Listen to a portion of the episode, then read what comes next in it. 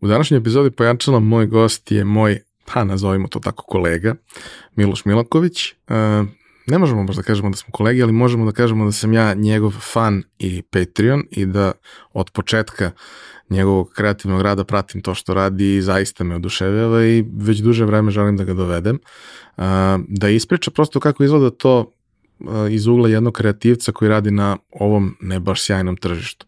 Radio je mnogi zanimljive projekte, znate ga iz dnevnjaka, znate ga iz radnih saradnji sa polovnim automobilima, sa Maxbetom i tako dalje, ali u svakom od tih sadržaja koji je kreirao sam ili sa prijateljima, vidi se jasno njegov autorski pečat i njegov zaista sjajan smisao za humor. I mogu slobodno da kažem da je on jedan od ljudi koji meni svaki put kada izbace neki zanimljiv sadržaj ulepšaju dan, a to nije baš tako lako. Ovaj, Miloše, hvala na tome, a vama preporuka da poslušate ovaj podcast zato što je on na kraju snimanja, kada smo sve završili, rekao, mislim da je ovo jedan dobar intervju sa kojim ću da se ispišem neko vreme i neću, neću ovaj, davati svoje dalje komentare, nego ću se samo baviti autorskim radom. Uživajte. Realizaciju ove epizode podržala je kompanija Epson, koja je vodeći proizvođač projektora i štampača za sve namene, od kućne i kancelarijske upotrebe do profesionalnih uređaja koji se koriste od maloprodaje do industrijske proizvodnje. Već 20 godina u nizu proizvode najbolje projektore na svetu, a prvi štampač napravili su pre više od 50 godina. I dan danas svaki godin ulože preko pola milijarde dolara u istraživanje i razvoj novih proizvoda sa fokusom na održivo poslovanje i očuvanje životne sredine. Upravo zahvaljujući tome, njihovi inkjet uređaji najnovije generacije prave 94% manje zagađenja od konkurencije uz maksimalan kvalitet otiska. I vaš mobilni telefon koji sada nosite i na kome nas možda slušate i gledate, najverovatnije je napravio robot koji je stigao iz Epsonove fabrike. Roboti su super. Japanski roboti pogotovo.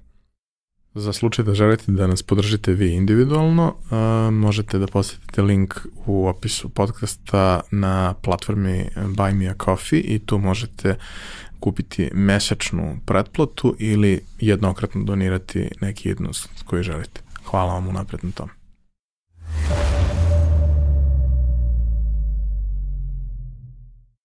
Dragi Miloše, dobrodošao.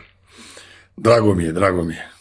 Veliko mi je zadovoljstvo kad imam priliku da ugostim nekog e, ko me u ovom prilično ne baš sjajnom periodu ovaj, uveseljava, a ti to radiš svakodnevno što kroz storije, komentare, a što kroz s na vreme skečeve koje, koje izbacuješ ovaj, autorski, a i godinama unazad kroz sve što si radio. Tako da jedna velika lična zahvalnica zbog toga ne znam šta da ti kažem, osim takođe mnogo hvala i na pozivu i baš sam onako, eto, drago mi je. Inače, e... mislim da će ovo biti vjerojatno moj poslednji intervju, ovaj, ne mislim kao u životu zbog nečeg, nego ovaj, mislim da više i nemam šta da kažem i, ovaj, i ovo mi je dobra priča, zato sam i, i zato sam i pristao da dođem, a i gledam, znaš, kad pustim neki stari intervju, gledam koliko, sam, koliko mi se neki stav promenio od tad i onda me jako od CD me ubija, zato što kao sad nije isto svuda što sam, naš, tako da mi unosim i neku ogromnu tenziju, ovaj, može biti zbog nekih mojih ličnih problema, ali mislim da nakon ovog dugo, dugo vremena neću, neću davati intervjue i to. Tako da eto. E, ono što mi uvek volimo da, da uradimo u, u ovom da kažem, uvodnom delu svega je da na neki način ispričamo priču koja se desila pre onoga što svi znaju. A to je, što ja kažem, kod preduzetnika obično geneza bolesti, jel? Da. A i kod kreativaca nije mnogo, mnogo drugačije i uvek počinjemo od mančmelo pitanja šta ste da budeš kad porasteš? Brate, ja mislim, sad slagaću te, ali ja mislim, to treba se pitati mog čaleta. Ja mislim da je meni, znaš ono kao kad deca kažu astronaut, ono, ja mislim da sam ili hteo da budem pop, ili da radim uh, za kamionom đubretarac. Mislim da mi je to bilo zato što sam čak, mislim, mislim igračku sam imao ovaj ka, kamiončić naranđasti i to mi uvijek bilo gotivo to, to, ta vožnja na tome i mislim da je to kao bilo prvo ono što sam izgovorio kao, kao baš klinac, eto kao hoću to da bude. Pazi, uh, uopšte nije redko, znaš, ima dosta tih uh, slučajeva gde ljudi ili E, to zbog toga što oni vise i zabavno je i da, imaju da, da. to sve, a drugo je odlazak u ove ostale uniforme svih oblika, Jest, vrsta da. i, i, i tako dalje. E, ali to je ono kao ono prvo što ti padne na pamet kad, kad razmišljaš dok si još klinja, dok te prva stvar povuče, onda negde ide škola, osnovna, srednja i sve to i uh, šta su bile stvari koje su tebe negde zainteresovao u tom najranijem periodu? Kad si prvi put video da, ok, škola je obaveza i neke stvari mo, moraš, trebao bi da uradiš, to je društveni da. konsenzus, da. ovaj, ali jedna stvar je obaveza, druga stvar je da tebe nešto zapravo tu zainteresuje i zanima. Da. Pa slabo šta je mene zanimalo kao istinski zanimalo, ali e, pričao sam sad skoro u jednom intervju, sam rekao, znaš, da, da ceo ovaj put koji sam ja izabrao je stvarno došao potpuno ono slučajnost, što možda i nije, kad sad pogledamo s nekog aspekta ovaj, drugog, ali, ali mislim da sad kad razmislim i kad se vratim nazad, mislim da je da je gluma tu negde uvek išla kroz da li za jebanci u školi, da li kroz neke priredbe u osnovnoj školi, da li kroz snimanje kratkih videa na telefonima prvim u srednjoj školi, kasnije na faksu nekog pisanja kreativnog, tako da je uvek, ajde, da, da proširim kreativa.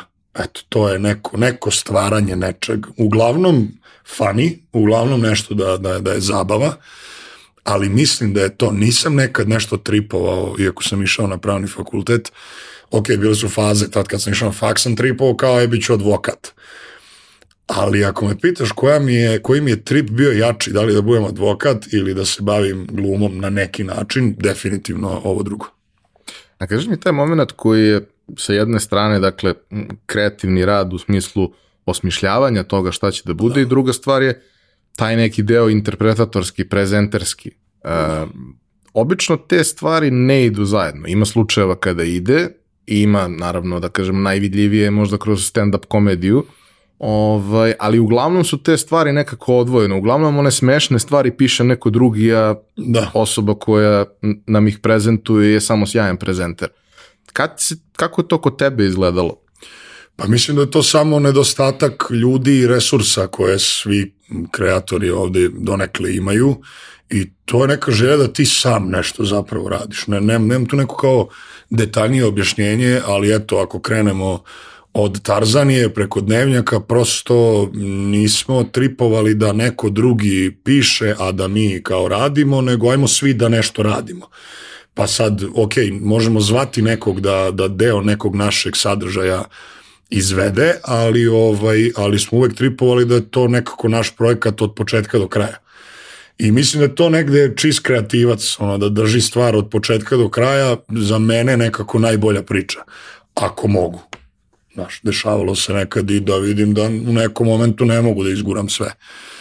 Ali, do duše redko, ali kažem ti, Mislim, mislim da je to negde jednostavno tako u nama, sad kad kažem, mislim na celu ekipu koja je sa mnom sarađivala.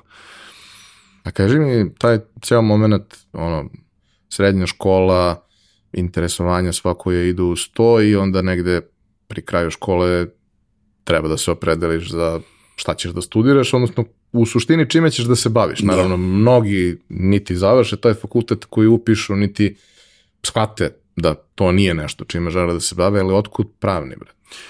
Na, na, na, ne znam da ti kažem, bukvalno ne znam, da, mislim, ja znam kao kako je došlo do toga i to je ono, dobra je priča zašto je malo, biz, ono, nije baš bizarna, ali je, ono, glupa je. Tako što, brate, ja sam završio srednju mašinsku, smer mašinski tehničar za kompjutersko konstruisanje, mislim, pazi, bolest.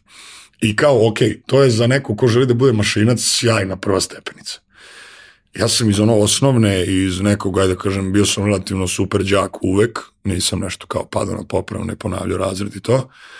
I, ovaj, I meni se svidelo ime tog smera i ja sam nešto tripao kompjuter u tom momentu i kao bio sam u fazonu, ovo sigurno ima veze sa kompjuterom, ono, dobro. I ima, ali u potpuno nekom drugom pravcu koji mene ne interesuje, nije mi interesovao ni tad ni sad. I nakon srednje škole, ja mislim da ja to leto nisam ni znao šta hoću. Mislim da je baš neka bila priča napeta u kući kao ona fora s jednom godinom pauze što Amerikanci vole da urade da im kao se pročisti duša i ne znam šta, kod nas je to gubljenje vremena, ideš da radiš negde budalo dokona. Ovaj, I pritom da ne pričam financije, ko će da izgura sve to. Ja sam propustio prvi upis na fakultet, ono kad ide u junu, julu. To i znam da sam bio na plaži i ovaj, koliko god smešno zvučalo, igrao sam beach volley ovaj, sa ortakom i ovaj, on je bio u fazonu, e, brate, treba mi neko da živi sa mnom kao u Novom Sadu i kao nešto jako jeftina kirija, pritom ja slušam od svih ovih mojih okolo koji su upisivali, ovaj, slagao sam jedan deo, ja sam probao da upišem jedan fakultet u Beogradu i za jako malo bodova sam, sam omašio i zbog toga sam prestao da se interesujem. Bio sam u fazonu, ok, ne, ne, razmislit ću. I onda je došao drugi taj krug i ta plaža i sve to. I kaže, Orta, kaj živiš sa mnom? I ja rekao, pa brate, ono, nemam pojma, ajde vidim, bi mogu nešto da upišem uopšte i da li ima mesta na budžetu nekom, jer kao nosim ok broj bodova i srednje, nisam sad ono kao da baš ne mogu nigde.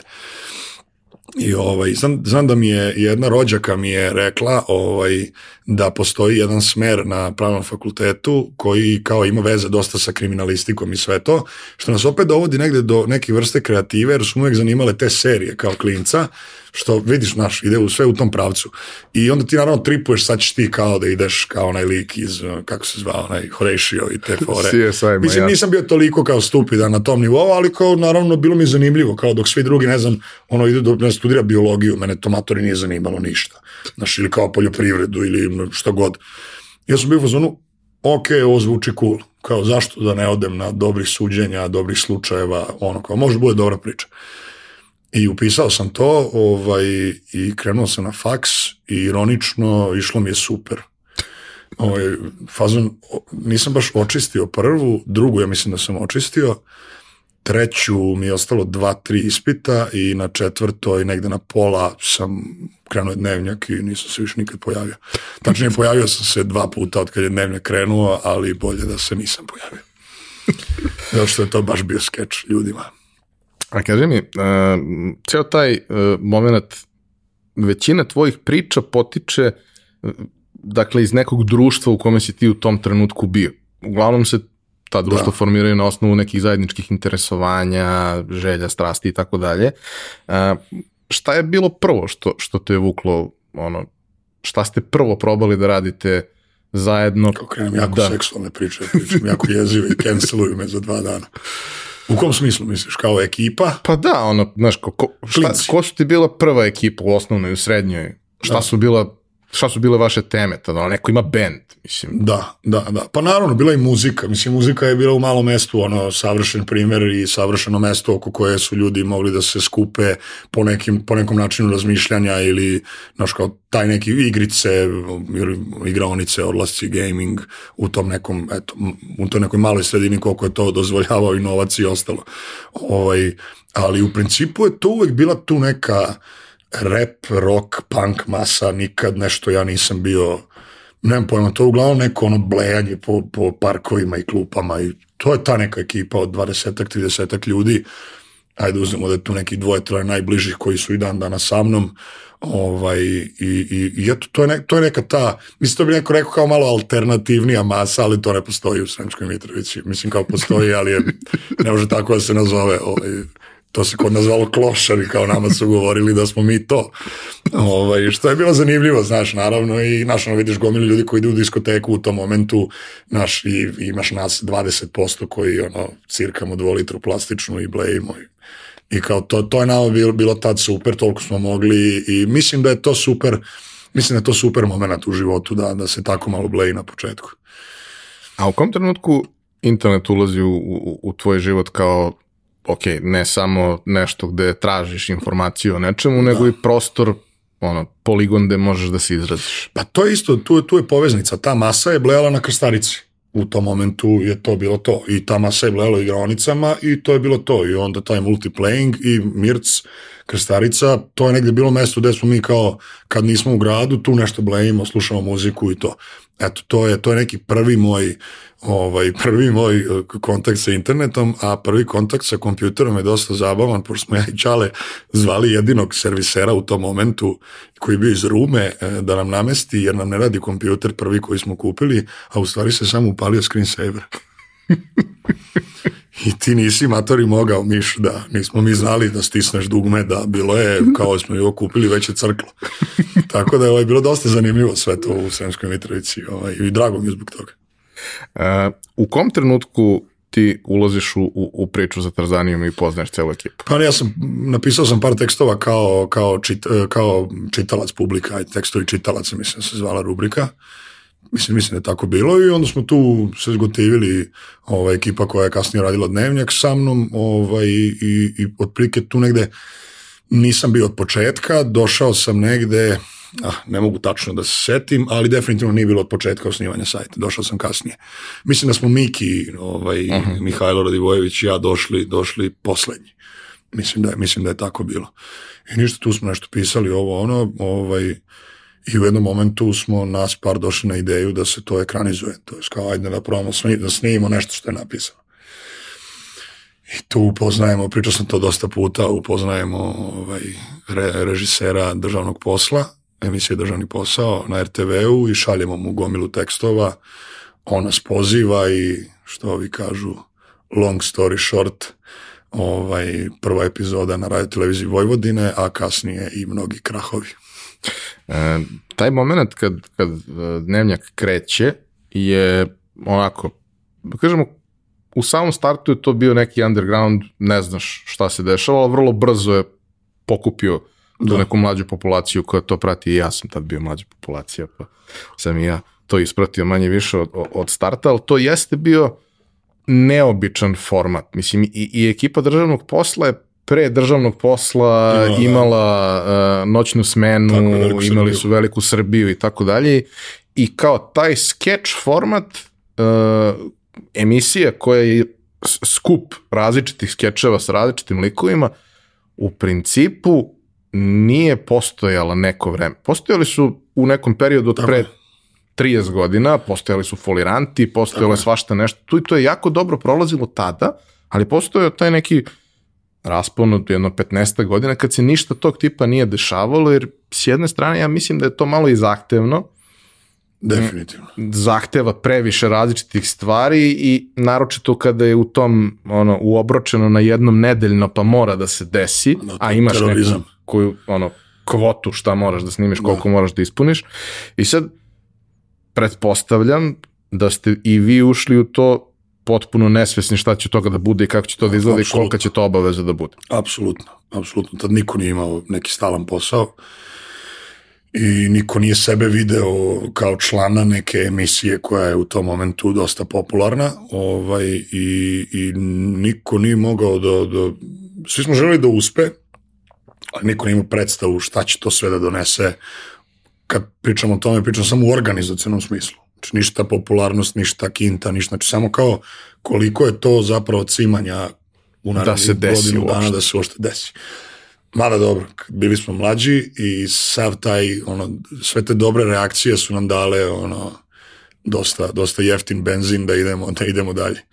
A kaži mi, upravo taj deo, dakle, organizacijono, da se sve to desi i da se ispuni sve što treba da se ispuni, ovaj, sa resursima koji su prilično limitirani. Vi ste dobili nekakav prostor, užasni, ali to je to. Kao, I za gomilu stvari ti ne možeš da angažuješ profesionalca, moraš ti da naučiš, moraš da se snađeš, moraš da, mislim, sto puta ono, kad sad pustim neki stari klip, skapiram da ono, mikrofon koji nosi nije Absolut. mikrofon, nego je shotgun koji bi se nosio Absolut. na aparatu i slično, jer vidi se da je to jedna beskreno zabavna, kvalitetna, dobra improvizacija, Ali kao improvizovati za YouTube je normalno i uobičajena stvari, manje više svi YouTube kreatori na taj način rade, ali televizija ne priznaje takav format po, po defaultu. Kako je uopšte izgledalo kao uh, jedna vesela, neorganizovana družina ima ozbiljan zadatak i radi sa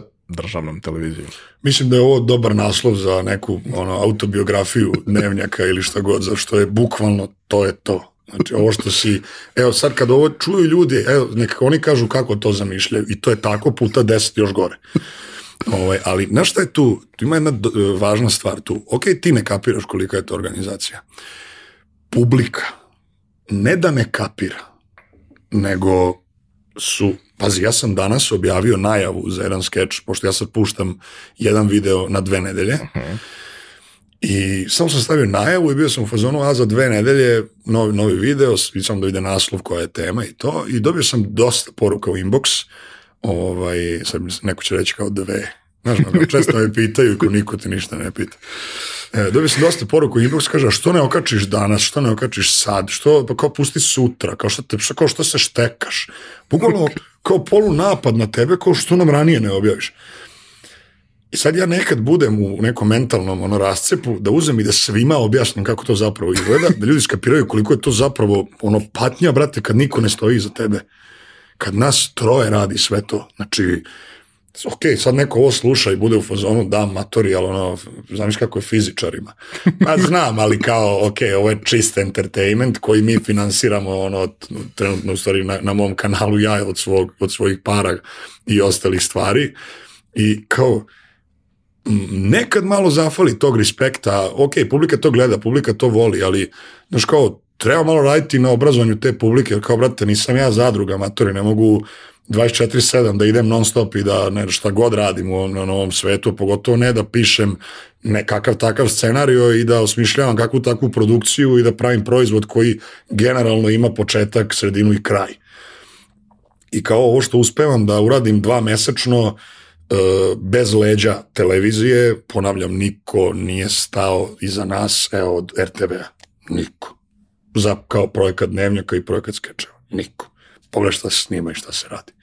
Ne veze, nek je glup sadržaj, nek se ne sviđa, nije, nije bilo što je bitno, ali ako pričamo o komercijalizaciji, šta ćeš veću komerci, komercijalizaciju od cifara koje su na tim kanalima? O čemu pričamo? Ali nebitno. I onda budemo u fazonu, brate, da li što odradim više? Zašto kao samo, nije to kao da to tebe povredi, pa si ti sad nešto kao skenjan, zašto ti neko napisao takvu, ne, nego samo budemo u fazonu, matori, čemu? ali na kraju opet kreativac pobedi i budemo u fazonu, aj brate da radimo ovo za, za našu dušu i mislim da zato negde generalno i dalje dobro ide. I Miki sa svojim projektom Nesanice i, i ja sa svojim, jer kao brate, sve kad oduzmeš, to je stvarno čista duša na kraju, brate, znaš, niko to nije uzeo da se nešto obogati, da ne znam šta radimo, ono, trudimo se da, da, da ne pljujemo nikog, ono, van nekih, ono, granica koje su za nekog tad u tom momentu potrebne, ovaj, ali znaš kao trudimo se, to stvarno bude jedan lak sadržaj, lep za gledanje i koliko god možemo da ga što više unapređujemo tehnički. Vidi, mislim, najiskrenije ulepšavate nam dane Nama Drago odraslima. Nama odraslima. Drago mi. E sad, naravno, svi content kreatori koji kače tu mlađu publiku, generalno imaju problem sa tim da klinci ne razumeju i jedino što njih zanima je kad će sledeće, kad će sledeće, da. kad će sledeće i zato i ono kao ljudi koji rade daily upload obično ne rade autorski sadržaj skečeve nego nekakve vlogove, nešto što je, što je mnogo bazičnije i možda i mogu da izguraju taj neki tempo, mada da ta količina prezentovanja sobstvenog života je meni užasna. Takođe. Ovaj, ali kao mogu da razumem da je to možda jedini način da ti ispuniš to da imaš nekakav daily upload. Pa da. A e, kod tebe, mislim, mi što smo Patreoni, mi dobijemo malo ranije, pa onda pogledamo Jeste. taj video Jeste. i onda ga ponovo pogledamo kad izađe za sve, jer treba zahvaljujem, ga pogledati zahvaljujem. Nema, da, nema, nema mnogo ljudi na toj platformi, bar kod mene, ali eto, znaš kao, drago ti da, da postoji bar neko. Pusti to, pusti humanitarni SMS, plati parking i prekoračio si mesečni račun i tebi je super. Znaš, ja to nekako tako gledam. Ovaj, I da, gomila sadržaja nama ovde i nije dostupna. Mislim, morali bi ono preko VPN-a i ostalo da bi gledali, ali eto, bar ovo što imaš na ovom našem nebu kao podrži, brate, kako umeš, kako možeš. Kup majicu, to kupi nešto, razumeš, to je to. Tvoju knjigu, na primjer. Kupi Ipčet. Ipčet, da, da, da. Ovaj, e, cela ta priča sa, sa, sa dnevnikom je trajala neko vreme u tom uh, redovnom nedeljnom formatu. Da a onda je prešlo u neki oblik koji je s vremena na vreme se pojavi neki skeč kada se vi dogovorite, obično to bude nekakav odgovor na neku društvenu situaciju ili možda neka ideja koja se rodila i to sve. E sad, e, kako se priča sa dnevnjakom u tom redovnom obliku završila? Završila se, uh, završila se istekom ugovora, nema tu, mnogi ljudi su sto puta su bili u tripu da mi nešto kao tajimo tu, da je tu nešto bilo spektakularno, ne. Uh, završila se ugovor, hteli smo da odemo dalje zašto su budžetska ograničenja bila suluda, nismo mogli, brate, više sastavimo, previše ljudi bilo, uh, jako malo fiksnih para mesečno, nedovoljno para sponzora, a veliki broj ljudi, I mi smo imali jednu priču koju smo trebali da zatvorimo ovaj, ugovorom, nije Pink, da odmah ljudi ne misle, ovaj nije Pink je bio potpuno nešto drugo. Ovaj, mada i to sve ima i na netu i više ni nikakva tajna i ne vredi više ni pričati. Ovaj, e, legendarna emisija, svakako. I, i, ovaj, I onda smo, e, bukvalno smo ostali u fazonu šta sad? Znaš kao, jasno ti je da je puno ljudi, jasno ti je da je malo para, jasno ti je da se teško organizuje, jasno ti je da niko za ozbiljno neće stati iza tebe. I, brate, samo su jednostavno ljudi bili u fazonu, e, brate, sve ovo super, ali moram nešto raditi, matori, da bi, ono, imao pare. I tako su ljudi krenuli redom da ono se zapošljavaju na nekim svojim mestima koliko je kome dozvolilo i obrazovanje i mogućnost nalaženja i ostalo. Mi smo bili u fazonu isto šta sad, pa nas nije bilo jedno dve godine uopšte ili godinu dana ni u kakvom. Smo ja i Miki pokrenuli cimere, čisto duša opet, znači ništa više. Nemamo para, imamo volju da snimamo, imamo neki koncept. Aj zovi ortaka da pitamo, možemo snimamo kod njega u stanu, pošto ima kosi krov i to. Kao ortak naravno da može. Mislim, to tako izgleda. Znači, to ono što ljudi kažu, e, ali dobro, to, zato to i jeste takvo. A znam, ali ne shvataš ti koliko se tu zapravo ono, smoriš dosta puta. Jer kao nema, nema, ne, nemaš izlaz, nema ko da stane iza tebe na, na, to, na tom planu i jednostavno mora da se ugasi u nekom momentu. Ono što bi voleo je da, da malo probaš da oslikaš ljudima koji stvarno nemaju nikakav osjećaj za, da. za to, kako zapravo izgleda organizacija. Primjer radi jedne, jedne emisije Dnevnjaka, zato što ona ima u sebi 4-5 različitih skečeva, različitih da. lokacija, kostima, ako ima, ako nema, ok, ali u principu ima jako puno toga što ljudi naravno kada gledaju obično ni ne primete, ništa. zato što je okej. Okay. Tako je, ništa Zato što je to da, da, ne znam, dođe policajac koji nije obučen kao policajac, primetili bi jer naravno, to nešto da. nije u redu. Ali kao prosto sve te stvari su same po sebi izuzetno zahtevne, a ljudi ne kapiraju da to ne funk, mislim, funkcioniš tako što imaš drugara, ali nemaš baš za sve uvek Nemaš, da zoveš drugara. Da, i nemoguće. Evo, ajde, ok, da smo radili na TV-u, to je bilo stvarno mučno, zašto je to jedna epizoda sa pet skečeva nedeljno. Znači, automatski uzmem. Treba nam pet lokacija različitih. Dobro, tad, smo, tad RTV imao saradnju sa akademijom u Novom Sadu, pa smo od njih imali opremu i ljude, ali i dalje je to bilo, znači da ti shvataš da ti moraš da organizuješ devet ljudi u jednom danu koji pritom rade nešto pored, imaju neke svoje projekte, sve, znači, ok, ajde da uzmemo taj, da, taj, da je taj period išao kako je išao. Evo, ispričat ću poslednje snimanje skeča za Survivor. Znači, tu je bilo između sedam i devet ljudi valjda na snimanju, mislim da je u kadru toliko bilo. Znači, zovemo Čiru iz državnog posla da dođe da vodi to. E, matori, možeš u četvrtak, u sredu, e, ne mogu u sredu, u četvrtak imam predstavu od šest, ajde pravo da ga zakucamo za dva. Zovemo Mladena o, Mićunovića, brate, možeš u dva, ne mogu radim do četiri. Zovemo Mrđu, ono, e, jel možeš u četvrtak u četiri, ona je u fazonu, ne mogu, idem dete, idem svoj posao, idem nešto, nema šanse pre pet da stignem dovedi nekog ko će još tu da pokrije par uloga, jer na sad ni nema dovoljno, svi rade nešto drugo i naš kao ne mogu da se dogovore. Onda dođeš na lokaciju, e, uspemo nekako da se dogovorimo oko satnice, mada je Čira sniman posebno, to sad ljudi možda i ni ne vide. Čira je sniman tri sata ranije, bez ikog od nas. On kao priča s nama, on je zapravo pričao sa praznom plažom, samo smo pravili, ovaj, maskirali smo da to izgleda tako. Onda dođemo na lokaciju, kerovi laju, Ne možeš da snimaš, tonac ludi, nema, nema šanse. Ljudi se kupaju, ne možeš ti da zatvoriš plažu, razumeš koja je ono gradska i da budeš u fazonu, ja e, sad svi čutite da mi snimimo 7 minuta ono našeg videa. Prolaze ti ljudi, ti kao hoćeš da održiš autentič, autentičnost negde kao da smo mi izolovani na nekom polu ostrovu, kao jasno je svima da nismo vide se zgrade ono u pozadini. I sve to ima neku svoju smešnu stranu, dođu neka dva lika i stoje nam tako iza kamere i kao gledaju šta mi sad tu radimo. I to je jedan opšti haos, gde jedan je krenuo, jednostavno meni nalivaju penu za brijanje na, na glavu, ona se topi na suncu. Znaš, i ti stvarno, brate, posle toga budeš, ono, kad se to završi, pritom to traje, eto, 4-5 sati, otprilike kad uzmemo da smo snimali iz dva dela, i stvarno budeš u fazonu, te, bre, ja, kao da sam morao. Znači, ja kao da sam bio na njivi, maturi, nije to fizički umor, samo smo se raspali. Pritom sunce, sad ti kad odeš neki ozbiljan set, postoje i oni prikolice sa klimom, pa sedneš, pa odmoriš, pa tu cela produkcija, pa tu je, ovdje dva lika snimaju, dva lika snimaju, jedan lik radi ton. Za nas devet. Tako da sve to dobro izgleda kako se to radi. Kad, kad, sve sabereš. Kad smo se čuli baš pred snimanje tog ovaj, da, ja skeča. put nisam došao zbog toga. E, da, tad si mi rekao da kao, e, takva je podela da sam ja i režiser. Da, u, u tom momentu, u poslednje vreme, da, zato što ovaj, negde sad ove poslednje ideje su, smo Miki i ja nešto kao istripovali da, da odradimo, ali u principu, da, kad smo se rastali sa akademijom, svi mi tu doprinosimo, ali evo za ovaj Survivor, znaš, sam ja tu kao nešto isplanirao kako i šta da to bude, gde da stoje ljudi, kako šta da izgleda i to prosto mora tako, ili da platiš nekog, ja bi ne radi platio neko ko je školovan i, i ko, ali da bi neko to došao da radi, on mora da skapira šta mi hoćemo. Pa ako skapira šta mi hoćemo, mora da vidi da mu je to dobra kinta. Pa ako mu nije dobra kinta, on će doći pa će da radi ofrlje, pa ćemo mi to skontamo, pa ćemo da ga oteramo. I to je nam pakao u kojoj nam je lakše da svi stanemo malo iza kamere i da ono kao ja, ja ću ovo opet zašto mislim da je glupo ili aj ti uradio ovo zašto je tako bolje i eto.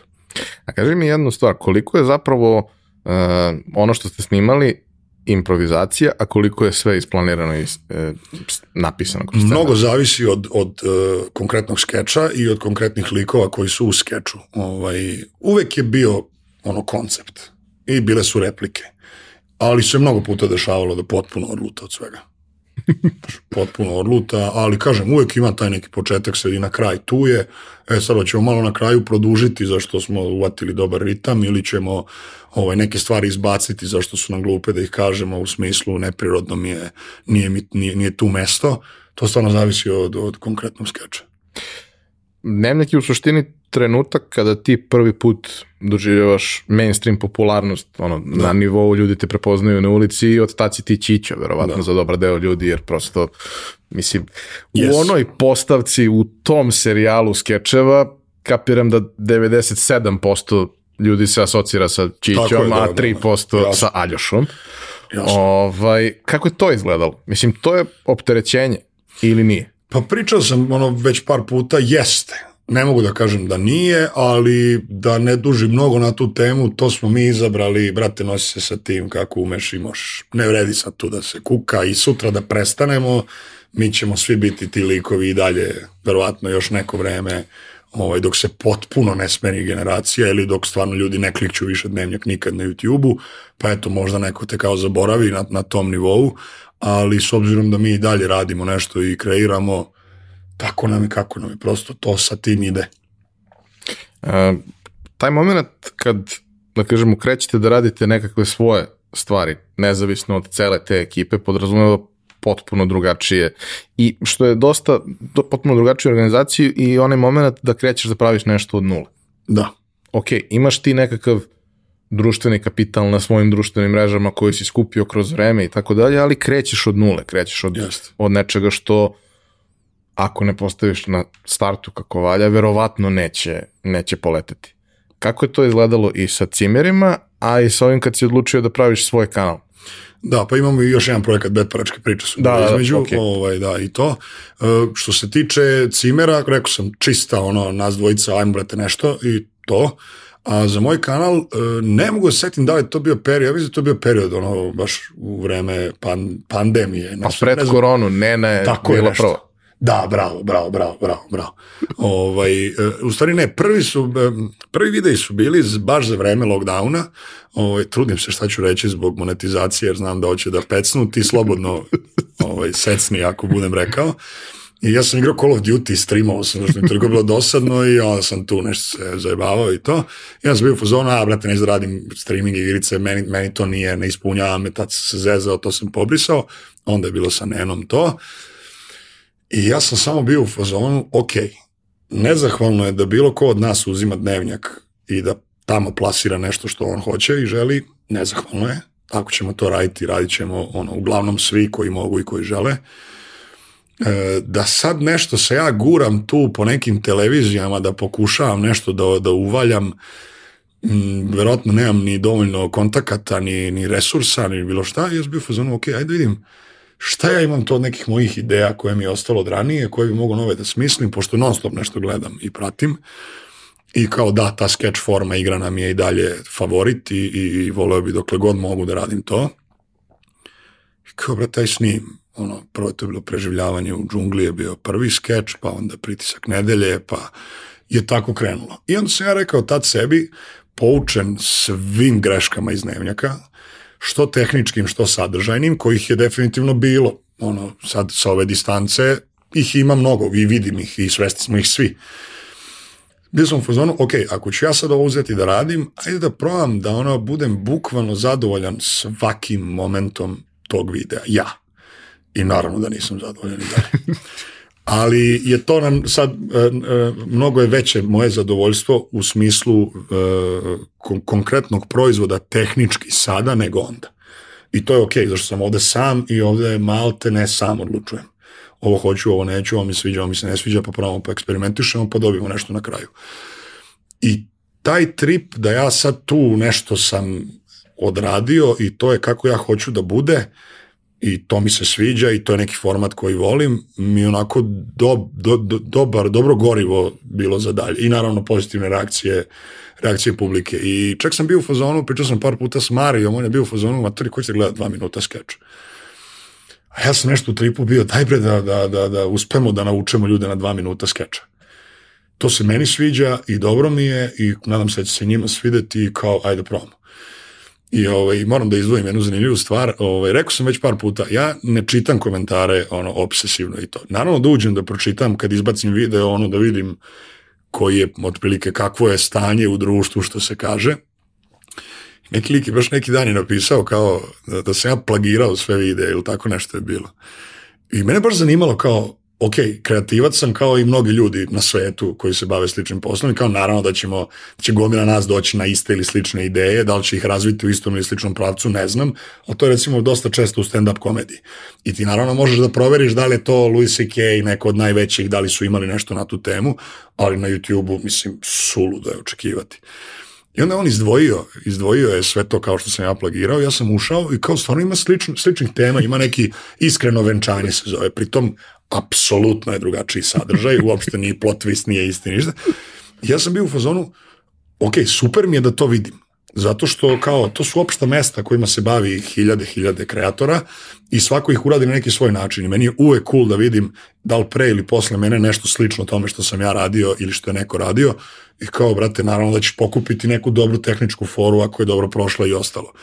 I ovaj, tako da je, i, i dalje mi je zanimljivo i dalje me vozi ceo taj trip što je dokaz i, i to da sam pogledao sve što mi je čovjek okačio. Recimo bilo je uh, Seinfeld je radio potraga za autom na parkingu. Kao, ma to je, to je jako opšta tema. I identično nije isto kao ono, nije, nije, nije trip, ali eto, bilo mi je zanimljivo i, i ono, volim da gledam što više materijala, ne mogu da ispratim sve, i stvarno ima svega zanimljivog i, i, i baš mi je drago zbog toga. A mislim, to su realni problem. Pa Znači, naravno, ta potraga. da, da. Ja sam zapravo 45 minuta tražio svoj auto prvi put kada se parkirao u novom shopping mallu. opšte mesto. Jer kao, jednostavno, preogromno je. Jesam ja i zapisao i koji je broj i sve, ali, brate, znaš, Da, da, da. prošlo je tri sata, gledao sam film, krenulo pažnju i ne vredi. Pa naravno. Potrebno je vreme, brate, da se, da se organizuješ, da, da pronađeš one neke ono, odrednice u prostoru koje ti kažu sad znam otprilike gde si. A sad sam bio je. prošle nedelje u Holandiji i kao, mnogo je lepo, sve male su kućice, sve izgledaju slično, brown, cigla, mnogo je lepo.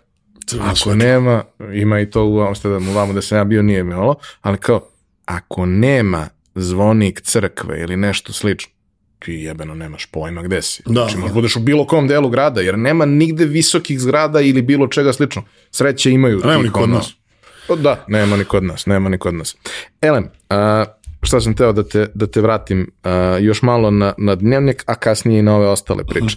A, Dakle, to je bila neka priča koja je bila bazirana na, na, na televiziji, a svoj afterlife je imala na YouTube-u, s tim što suštinski, kao i za državni posao, 90% nas je to gledalo na YouTube, jer Da. kao televiziju ne gledaš i ne gledaš u tom terminu i Jest. tako dalje.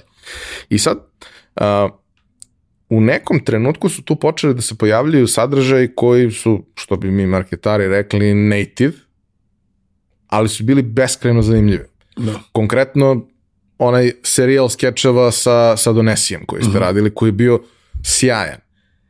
kako je uopšte došlo do te saradnje i šta su bile prepreke najčešće u saradnji sa, sa, sa klijentima? Jer kao, sada je možda malo bolje nego pre 5, 6, 7 godina, tada klijent dođe i kaže uh, mi to hoćemo tako, pa da li mi radimo ovako? Ne, ne, mi hoćemo ovako. Da. Ok, uh, negde treba da daš priliku autoru da se izrazi kako on smatra da treba da mu daš slobodu, jer on najbolje zna svoju publiku na kraju dana. Ako hoćeš da ti proširi publik, poruku u toj publici, to je, to je način. E sad, to je teorija. A praksa je to što ste vi morali da uradite yes. i da isporučite i tako dalje. Kako je izgledalo to sve i šta su bili, da kažemo, challenge u, uobičajene u takvim saradnjama? Pa evo ti, to ti opet broj ljudi govori, govori ti u, u prilog svemu tome, zato što, znači, tebi dođe posle x vremena ti dođe neko hoće da da pare za to što ti radiš. To na kraju gledaš samo tako. Mislim, kad sve svedeš i zaboraviš sve scenario i ostalo, ti ćeš dobiti kintu za neki tvoj sadržaj. I, ovaj, I sad sedi tu četvoro, petoro ljudi koji pišu to i treba da zagovorimo svi kako je sad to najbolje izreklamirati. A da ne uđemo jednim drugima previše u teritoriju, u smislu, brate, meni je ovo glupo da kažem, a ja sam u fazonu, ja, brate, to treba da kažem što je to super i dobit ćemo pare za to i da ne pređeš granicu da klijent kaže izvinjavamo se što smo vas pozvali, hvala vam na pažnji i eto, radite. A i da publika ne kaže... A i da na kraju kad to sve, ovo sad pričam sve do momenta izrade mhm. nekog videa, e, onda kad ga objaviš, e, onda dobijaš ono kofu govana od ljudi kao prodali ste se. I ovaj, i par puta sam razmišljao na tu temu kao nas ljudi ne, ne glede na televiziju mi kad bi otišli sad na televiziju, oni bi smatrali da smo se mi prodali. što je najveći paradoks na svetu, što je potpuno neverovatno. Što je kao da nam želiš zlo. Znači, to je identično u nekom smislu. Znači, matori, ne, kao sad mi lupam da odemo na neki kanal, Neping, ovaj, oni bi bili u fazonu, prodali ste se. Pa čekaj, vat, šta treba da radim? Da blame na YouTube-u, ono, čitav život i da ono, zarađujem, malo te nekad sve svedeš ne mogu reći ništa, ali, brate, nije ni nešto. I da kao, šta, još da te slušam kako mi pričaš da nisam dovoljno često objavio video. Mislim, znaš, kad stvarno ulazimo u neke, ono, aj razumite nas malo svi, brate, koji, koji god radite ovaj posao i koji, i koji to gledate. Uh, da se, da se vratim, izvini, samo podsjeti me za... za... Dakle, imali ste, ok, imali ste Kako tu izgledalo? recimo saradnju uh, i pomenuo si naravno, bilo je i negativnih komentara, no. ali meni se čini da je dominantno bilo Tako pozitivnih ja i moj da utisak je bio sjajan. Uspeli smo da izguramo, znaš. Ljudi su tad, da li su bili u fazonu gledali ludaka, oni hoće ovako i hoće ovako, ja i pustite ih, neće neka velika šteta biti. ovaj, ili su bili u fazonu, stvarno vam se sviđa ovo jer je nešto sveže i drugačije, ali recimo ta saradnja sa, sa Donesijem je bila top baš ono, ono, ne mogu ništa loše da kažem, osim što smo malo para uzeli. ali dobro, nema veze. Ovaj, tako da, da sad kad vratim film, koliko se to danas naplaćuje za ovaj broj pregleda, stvarno ono, bili bi mi dosta srećni u tom momentu. Ali dobro, okej. Okay. Kako je izgledalo sa nekim drugim prilikama koje su se ukazivale s vremena na vreme? Generalno, prvi put kad vidiš kako to može da izgleda sa komercijalnim sponzorom i vidiš da je to dobro da. i da to ima publiku i da to nije ono kao kanal ima milion pregleda, a onda izađe to ima 50.000 jer koga zanima, nego je to negde u skladu sa sadržajem na kanalu, onda su se pretpostavljam javili i drugi zainteresovani da se pojave u nekom obliku. Javio se jedan brand i dao nam je kostimiranu gorilu koja trči po ulici. Sećam se. e, ti možda zamisliš kako izgleda kao brainstorming naš četvorice degenerika u onoj jednoj sobi u jednom stanu, u stvari od 24 kvadrata, bukvalno smo u takvom stanu pisali i gde mi moramo da osmislimo kako da uglavimo čoveka koji je kostimiran u gorilu i koji treba da skače dok mi nešto pričamo i nešto viče. I recimo ta sradnja se završila super zato što mislim da su ljudi bili u fazonu da smo ovo mi hteli ovako, da kao odjednom imamo neku gorilu koja nešto dreči. A da su to tek onda kao skontali ovaj, brand i ostalo. I recimo, ja da sam brand u životu ne bi prišao emisiji kao što je Dnevnjak sa takvim zahtevom. To je sad već neka stvar nerazumevanja emisije i svega što smo mi tad radili, ali kao zahvalan sam što su se javili za saradnju, naravno. Naravno i mi smo uspeli da napravimo nešto, da to bude gledljivo i da bude super ali složit ćeš se da je to malo ono agresivan marketing ako ništa drugo. Ne, meni, meni su ti momenti kao sa takvim nekim stvarima skroz cool da se pojavljaju negde u trećem planu. Znaš kao, prolazi, prolazi gorila u- kroz skečeve u trećem planu, kao na ulici. Neko bi primetio, kad bi primetio, onda bi krenuo da kopa po prethodnim gde se još pojavljuje. Ali nemaju marketari vremena toliko da čekaju. Pa zna. Oni žele da je to ovde, objektiv je ovde, a brand je ovako. To je fora.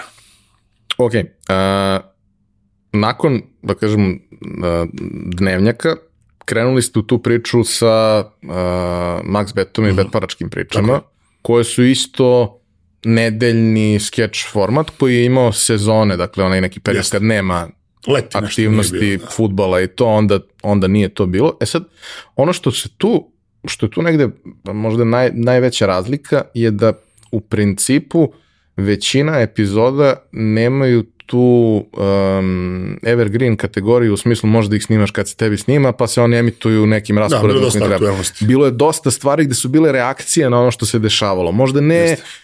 dan Ne za dan, ali ali nedelja za nedelja, nedelja za Jeste. nedelju uglavnom. I onda to zahteva drugačiju organizaciju. Ne možeš ti sad da kažeš, ok, ajde, imat ćemo jedan snimajući dan i snimat ćemo sve četiri epizode tog dana, nego suštinski to ti je nedeljna obaveza. da, jednom, jednom nedeljno dve epizode i onda smo imali do snimavanja ako je nešto aktuelno bilo, da probamo da ispratimo sutradan. I to je bila ok, jako priča, jako korektna priča i sa njihove strane i sa naše, jer je postojao neki budžet, postojala lokacija na kojoj se snima, imali smo definisane likove od početka do kraja, znači jedan ceo koncept od ono, od temelja do krova i to je onako bilo jako zahvalno za, za, za rad. A šta, šta su bili ciljevi koje vam je klijent dao? Ciljevi su bili podizanje YouTube kanala kroz neku zabavnu formu, igranu formu, čista ono brand awareness, ako bi ga tako mogao nazvati, s obzirom da nije MaxBet nepoznata klađa. I ovaj, tako da, da, da, da je to negde bilo kao, ajde da probamo ovaj naš YouTube kanal da, da dignemo. Imali smo pre toga saradnju s polovnim automobilima, na koju se isto zaboravio, da je isto to bio cilj. Ajde vi napravite u vašem fazonu neke skečeve koji ćemo mi kačimo na svoj kanal i da dobijemo dosta pratilaca za što god naše aktivnosti kasnije. Ovaj, i, i, I obe saradnje su protekle super. Stvarno super, nemam tu, tu, zašto su bili jasno definisani i, ono, uslovi i, i ajde da kažem tehničke stvari i onda nekako nije bilo, nije bilo problema. A u smislu sadržaja ste imali punu slobodu? Imali smo. Imali smo. Naravno, ok, ne možeš ići baš ono uz krnavluk teški, mada smo i to uspevali. Ali nismo imali nešto kao, e sad ovo, ne, ne. Jednu stvar moram da te pitam, zato što uh, kroz tvoj autorski rad su se provukle mnoge teme, a uh, koliko ja znam, nisu ti baš sve negde bliske nekim neposrednim interesovanjima. Dobro. Znaš, e, praviti sadržaj za kladionicu e, deluje kao jako dobra ideja za neko ko se kladi svaki dan Da. ili makar ne mora da se kladi, ali prati to Prati, sve na, na, na nekom vrlo posvećenom nivou. Koliko je to bio slučaj sa ekipom koja je bila deo toga? Moja ekipa je pratila sve. Daniel i Mihajlo i ovaj ok, Lea je tu bila s nama, ovaj, Dušana je zaposlena već tamo, tako da je to. E, oni prate sve. Oni znaju sve, timove, futbalere, sve prate i sezone su, ja nemam pojma. Ja sam pratio američki futbol, malo NBA znam to i futbala, znam to, Ro- Robben, Messi, to što je po čipsevima. I ovaj, tako da ja to ništa ne pratim. I mene to u principu ne zanima ono, ne, nisam neki fan gledanja. No, gledam, što kažu, uvijek gledam kada je finale. Eto, to što me zanima kao ko će pobediti u finalu. I meni je to bilo zanimljivo, ok, zašto sam u nekom momentu sam i ja počeo da se interesujem, jer se kao zanima me ako negde spomenemo nešto, da i reci mi više o tome. Da bi kao čisto znao što da ne, ono, možda budem nekad u kvizu pa dobijem silne pare, baš na to pitanje. Tako da je meni to bilo zanimljivo, malo i nepoznato, ali opet ti kažem, naš sadržaj niti je bilo traženo od nas, niti smo mi gurali da taj sadržaj bude iš, isključivo sportski. Mi smo tu ve, vezivali i šarali sa tim, ali nije bio samo kao sportski, jer ja tu realno bi morao samo da izgovaram ono što neko napiše. Tako da smo kroz ta tri lika napravili da je ono, taj Kuka je bio malo manje zainteresovan, a ovaj, njih dvojica su malo veći poznavaoci, što je u principu super balans. I generalno taj, taj moment kad uh, se obraćaš publici koja je prilično posvećena nekoj temi, ti ne moraš da se baviš u, u, u formatu skeča od, ne znam, 10 minuta, 7, 10, 12 minuta koliko su trajali, ne moraš ti da pričaš 7 minuta o tome ili 12 minuta Da. o tome, ali ako praviš neke reference, one moraju da budu validne. Jer Tako je. jednom kad napraviš referencu koja nije dobra, čovjek će se iznervira i neće više gledati. Za reference su bili zaduženi uglavnom ni dvojica. I, na primjer, kad smo radili dokumentarac o Jordanu, parodiju, to kao znam, naravno, ispratio sam sve. Mislim da čak u tom momentu Miki nije do kraja pogledao, a da Daniel nije uopšte pogledao kad smo radili, vidimo se u čitulji, parodiju, naravno to svi znamo. Tako da nalazili smo jako dobro način da vežemo i sport i celu ovu našu priču u jedan serijal. Sve se, betparačke priče su se odigravale u kladionici. Tako je. Ali koliko se sećam, zbog zauzetosti kladionice i svega snimano je u neko prilično čudno vreme. Jeste, ali to je bio korak napred jer do tad nismo imali ni lokaciju. pa smo bili zadovoljni što sad imamo lokaciju. I snimali smo ili jako rano ujutru, tipa, ne znam, se otvara, otvara u 8 ili 9, mi smo morali da budemo tamo u pola 6. Ili oko 11 u onom momentu, neću reći da te ne bi monetizacija uništila, mislim da je tad bilo 11 i onda smo, mislim da je tako nešto bilo. Naravno, za vreme lockdowna smo radili u stanu. To je bio. Valjda sad nećemo odgovarati zbog toga. Uh, ona priča sa, sa polovnim automobilima uh, je bila, u tom periodu oni su već krenuli da prave nekakav svoj autorski sadržaj redovno, ali su imali gosti, bili, bili, bili si i ti, Uh, i uh, kako se vozi službeni auto, da. barem jedno mesečno preporučujem svakom da pogleda. Da. Ovaj, bila je i ekipa državnog posla, bilo je tu nekih specijala i svega. E sad... Sad je prvi servis. Sad je prvi servis koji već jako dugo traje i možda je, možda je najbolji primer igranog programa nekog brenda, jer koliko postoji već pet ili šest sezona. Ne smem da se zakunem Stoji da nešto toliko. epizoda, znam, da. ali vidio sam negde, kad sam gledao za prve, Sigurno prvih nekoliko godine. epizoda, Sigurno tri godine. Ovaj, tu postoji sa jedne strane, dakle, ti se s vremena na vreme pojavljuješ kao glavni lik ili kao sporedni lik koji dođe da začini neku epizodu, ali si u dobrom delu takvih sadržaja uključen i autorski negde kao neko Da. ko, ko osmišljava. Kako, kako prosto to funkcioniše? Jer prosto to je mnogo različitih stvari koje treba uklopiti u nekakav raspored u toku nedelje. Pa, ok, sad kad ovako kažeš, to izgleda kao da je to sve bilo u tri meseca, četiri, ali to su onako saradnje koje su trajale u periodu od dve godine, recimo povremeno, kako šta.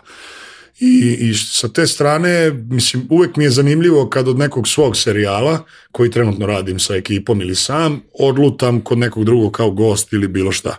I naravno tu ima uvek improvizacije i sve, mada kažem, ta cela ekipa kad uzmeš prvi servis državni posao, ti je malte ne jedna ekipa, i ovaj mi sa druge strane, da li ja i Mihajlo i Daniel kao betporačke, Miki Nesanica, ja moj kanal, što je sve, eto, kad ubrojiš, ne znam, par ljudi, a tri, četiri serijala. Ovaj, I s te strane, kao mi se dobro kapiramo i nema nekih tu, ono, poštujemo jedni druge, šljakamo koliko možemo zajedno, kad neko ima neku preporuku, ideju, dobaci, sarađujemo na tom nivou gostovanja, druženja i to je to. Uh, autorski, da kažem, tvoj kanal je prvi put, kao što si rekao, da ti imaš kompletnu autorsku slobodu, kako ćeš da osmisliš sve i kako ćeš to da realizuješ. S druge strane, organizacijono je jednostavnije jer najčešće ima jedan ili dva lika, najčešće Tako je. si ti sam zapravo, ali mnogo je manji problem uklopiti sebe u kadru nego pet ljudi gde Tako je. neko skrene pogled kad ne treba. Tako je. Ovaj, I čini mi se da je to možda jedan od razloga zašto ti možeš sada da kažeš da si zadovoljniji, osim što si mnogo toga naučio umeđu vremenu Naravno, da, i, i našao i sa kim možeš da radiš i tako dalje. Ali e, kako izgleda, mislim, rekao si izbacivaćeš na dve nedelje i to je u principu tako bilo nekih perioda kad, kada i nije Bilo bilo... kad sam morao da ono, živim na, na, u stanu, pa da sam morao da ga renoviram i onda sam, ovaj, i onda sam bio dva meseca kao odsutan jer ne možeš sve da stigneš. Ovaj, kako ti sad to posmataš, mislim, koliko to doživljavaš kao obavezu, a koliko ti je to prosto samo nešto što, što ti je potrebe, što želiš da, da uradiš? I dalje mi je više potreba i želja nego obaveza i mislim da kad postane obaveza da je to vreme da se ja na neki način pozdravim, osim ako ne zarađujem bolesno dobre pare, onda neću otići.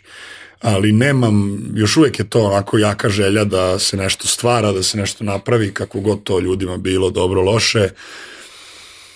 I nemam ne, neki bolji odgovor na to osim da, da, da mene zaista takav vid sadržaja vozi.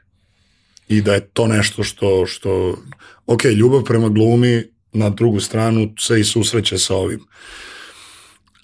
Ali opet mi nekako draže da to sve, da ja zovem ljude u goste, da oni dođu kod mene, da, da odradimo zajedno, da smislimo, da probamo, da snimamo, nego sad da idem i da ne znam šta maturi pokušavam i da ni za čega toga ne stojim, nego sam samo tu nešto la la la i eto, ok.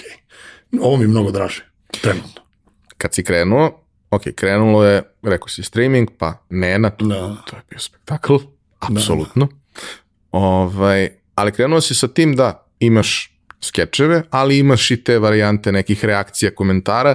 U suštini, e, krenuo si ka nečemu što je youtuberski sadržaj. Jeste. A sada si mnogo više autorski sadržaj kroz skečeve koji apsolutno bi mogao da se prikazuje bilo gde, možda ide što se mene tiče na ono festival kratkog filma. Znači takav je, takav je tip.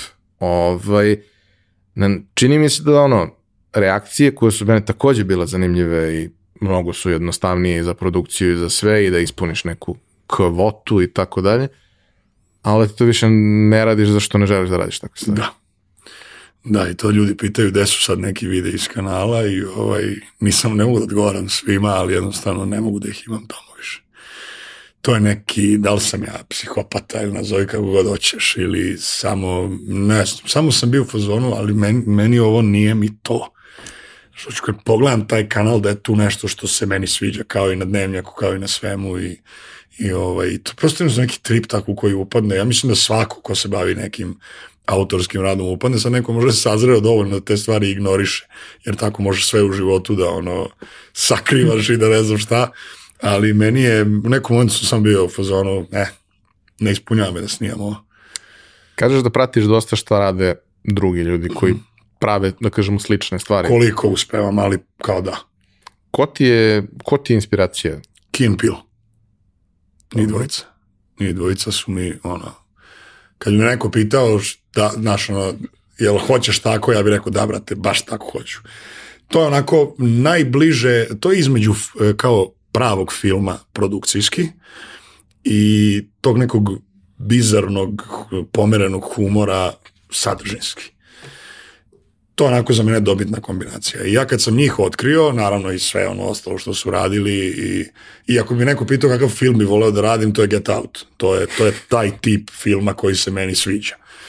I ja sam stvarno ono fan, nemam trip idola i to, ali sam kao stvarno sam fan i kad sam pogledao, to je jako bilo zanimljivo, kad sam pogledao koliko ljudi radi sa njima na scenariju, u produkciji, kako to sve izgleda behind the scenes, mislim, to je bolesno. I onda kao vratim se ovde i budem u fazonu kao vrate, a dobro je ovo naše, zato što kao ima brojku, ima publiku, zanimljivo je koliko toliko kome je zanimljivo i kao bilo mi na s jedne strane i drago, kao evo, ono, ni dvojica, razumeš, guraju tamo, ono, sa 40 ljudi u produkciji, sa kamerom od 30.000, sa dva režisera, sa, ono, šest scenarista, razumeš, to je negde, znaš, kao malo, kao dnevnjak u smislu, znaš, kao proizvodnje sadržaja i sve s tim što izgleda prebolesno, kvalitetno i dobro. I to je nešto, takav format je nešto čemu ja kao težim. Kad pričam produkcijski. I naravno da ono gomila mesta opštih koje su kod njih obrađene jesu ili će biti i kod mene u smislu ono inspiracije, naravno imaš šefa mafije koji je pomeren, mislim imaš ga i u filmovima, imaš ga svuda i u serijama i, i Seinfeld i ekipa su radili svašta slično. Tako da sa te strane to kao ako me pitaš šta je najbliže, to je. A osim toga, koga bi recimo preporučio nekome kome se sviđa tvoj sadržaj, koga bi preporučio još da prati. I možda i lokalno, Da. a možda i... Svakako sagledao. naš sadržaj, opet lokal patriotizam, ali izvinite, dobro, nije baš skroz ovaj jedan iz Renjanina, prvi servis, svakako državni posao, uh, sasvim obična emisija Papić, on je užičan, on je, ali on je iz dobro sad. Užica, ali dobro, sad nećemo o tome, zato što ušli bi u neke druge priče. E, izostajući neko dobro, Mari ozbiljne teme, do duše to nije toliko igrani sadržaj, mo, moglo bi se nazvati u nekom smislu, ali eto, kao oni, od stranih Kevin James ima sjajan YouTube kanal, on radi isto pretežno igranu formu, on je radio nešto slično što Papić radi, ono kad montira sebe ovaj, na green screenu u neku scenu, to je dosta zanimljivo. E, dobro, sad kad pričamo stand-up komedija dalje, naravno, imam brdo imena tu koje, bi, koje bih izdvojio. I, I to je u principu to onako na keca što mogu da se setim da mi je, da mi je kao naj, najbliže. I sad, uh, jedna stvar koja je počela sve više da se, da se dešava i meni je to veoma drago, uh, jer opet to znači da možda sazavamo kao tržište i da brendovi kreću da kapiraju, ovaj, je da si ti pozvan da budeš kreativac po pozivu na nekom projektu za, za neki brend, obično bi to bilo dobro da bude brend sa kojim se dobro razumeš. Da. Ovaj, konkretno, mislim, tu si i kreativac, ali jedno od zaštitnih lica, ovo što radiš sa Love Pivom je fantastično, uh mhm. -huh. mislim, ja kao billboarde više u principu ne primećujem, posebno od kad su svi krenuli, svi su krenuli isti model teaser kampanja na billboardima, pa onda sve ostalo, znači kao brate, da. je, jednu stvar probajte da promenite i onda se pojavio serijal uh, billboarda koje si, koje si osmišljavao i na koj, u kojima glumiš, jeli, ovaj, i prateći video sadržaj. I, I agencija je naravno tu bila, nisam samo ja, ali bilo je predloga i s jedne i s druge strane, pa smo negde utanačili šta je, šta je, ovaj, šta je meni ok da ja stojim ispred toga i šta je njima ok da njihov brand stoji iza toga. Kako je izgledao sam proces, koliko je to sve trajalo? Nije dugo. Evo, da ti kažem, to stvarno nije dugo i kao ja sam zahvalan stvarno na toj saradnji, zašto je stvarno zaista jedna lepa saradnja, respekt i sa jedne i sa druge strane postoji i ovaj, jako lepo ide za sad i to kroz društvene mreže i kroz ajde, out of home što je bilo tada, nadam se da će biti još nekad i da će biti možda i neke igrane forme u tom smislu, ako pričamo o lupam ili TVC ili šta god, ali da će nastaviti saradnju u tom pravcu da samo upgradeujemo taj naš sadržaj u neku drugu formu, u, smislu formata, da li ćemo izaći na njihov YouTube sa nečim ili će se oni pojaviti kod mene na mom YouTube u okviru nečeg kao product placement ili kao centralna tema, šta god, ali zaista jedna onako lepa saradnja, to konkretno za Billboarde nije dugo trajalo, e, došla je zajednička ideja, ajde da vidimo šta možemo da smislimo, ja sam nabacao neki par ideja, neke su bile malo tvrđe pa nisu otišle, ovaj, ali razumem. E, agencija je dala svoje predloge, ja sam rekao, e, za ovo meni, meni ovo ne, ovo mi je super i top, došli smo negde do, do nekih zajedničkih 6-7 predloga i, ovaj, i odradili smo to i koliko vidim feedback je bio pozitivan osim što sam se ja prodao. Dobro. A, tvoj glas je takođe bio u, da. u reklami. I mislim, svako ko nekako ne očekuješ ga, ovaj, onda kad ga čuješ, bude ti, bude ti drago. Jer nekako to je Jeste, da. one of us. Jeste, ovaj, da, da, da. Ovaj, Popeo se, evo ga gore. I uh, jel taj deo saradnje bio, da kažem, da si, da si i ti učestvovao u procesu osmišljavanja, šta će biti to sve ili to nisam, samo pročitao to tekst? sam samo, samo sam pročitao tekst uh, i to je bilo jedno super iskustvo za mene, do tad nisam to radio. Bilo mi onako ne mogu reći izazov, ali bilo je zanimljivo, znaš, ono, par puta mi kad snijamo, ono, pljuneš repliku, ona ostaje malte ne takva kakva jeste ovde, znaš, mora malo sve da se naminca, da se namikeri i bilo mi je zanimljivo svakako. E sad, šta je tu stvar? Kad, e sad ja kad gledam, ljudi su mi tad pisali, je li ovo tvoj glas na TV-u? A to su isti ljudi koji kažu ja ne gledam televizor. Dobro, ali išlo je na, išlo je na, na, na YouTube. Šalim se ja, gomilo putno, gomilo ljudi je stvarno bila ono kao, e, vidio sam TV u reklamu, ili tvoj glas ili nije. Ovaj, tako da, da, da, svakako super, super stvar. Uh, jedna takođe od stvari koja je, kažemo, više vezana za, za ovu moju domicilnu industriju IT je ovaj, ova saradnja sa IT Engine ovaj, firmom i uh, mislim nije bilo takvih sadržaja do sad. Da. Nikakvih. Da. A postoji jaka potreba da tako nešto postoji i da se neko malo našali na račun svega onoga što se dešava u industriji koja jeste postala potpuno ono izvitoperena zbog količine para i svega. Da. Um, otkud uopšte ideja za to kako je došlo do saradnje i ono, meni ono deluje meni ono deluje autentično tvoje, deluje kao da si ga ti pravio za sebe, oni su rekli nama je ovo super. Radili smo ja i Vasilije, ovaj, prijatelj još od Tarzanije i Dnevnjaka, ovaj, došli smo nekih... Objavljivani književnik. Objavljivani književnik, da, nisam pročitao, ali se radujem svakako da je neko otišao i u intelektualni ono, deo. E, tako da mu čestitam i nadam se da će nastaviti. E, I ako niš drugo, bar neko na slagalici da dobije ono, njegovu knjigu kao nagradu, bit će super. E, oni ja smo radili, ideje su bile negde mm, IT Engine i ja smo sedeli na, na sastanku, ekipa iz IT Engine i ja, i otprilike smo negde došli zajedno na ideju, onda sam ja čuo s Vasilijem i bio sam pozvano, maturi, probamo ovo da odradimo bla, bla, ne, nešto je on potpuno sam je ispisao i ovaj, uglavnom je to, nije to nešto puno menjano, menjano od strane ovaj, njih i onako otišlo je relativno zdravo u tom smislu, neosakaćeno i ne, ne, ne isečeno. Tako da zaista što se njih tiče isto saradnja koju stvarno u samom rede po, pohvalim i uzeli su neku nagradu za tu saradnju, o, za, za, za tu kampanju ovaj, u Hrvatskoj i meni je kako bilo mi drago, eto, sad neka firma je došla, pojavila se tu, bili su u fazonu, aj ti nešto ide s nama da radiš, mi su to nešto seli, Nataša isto glumila sa mnom i moj drug Nemanja Mandić i učestvovali su i njihovi zaposleni, što je isto super priča, jer kao, eto, svi smo tu, svi nešto. I naravno je bilo drago kad sam čuo da su uzeli, da su uzeli nagradu i ovaj, onda smo nakon toga uradili smo serijal od još tri skeča i mislim da je to za sad. Lepa saradnja, lako je, lako je tekla, brzo smo se organizovali, super.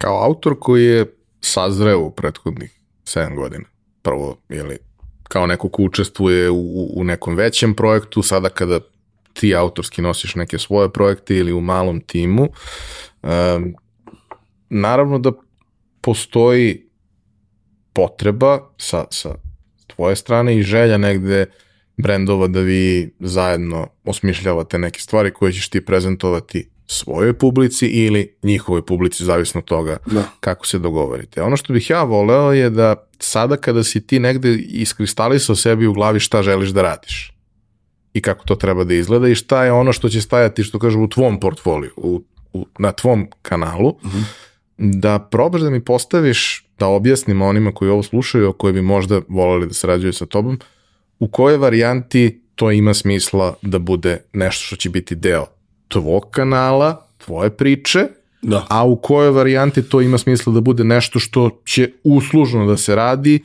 i ko, prosto koji su neki uslovi koje, koje tu treba imati u vidu.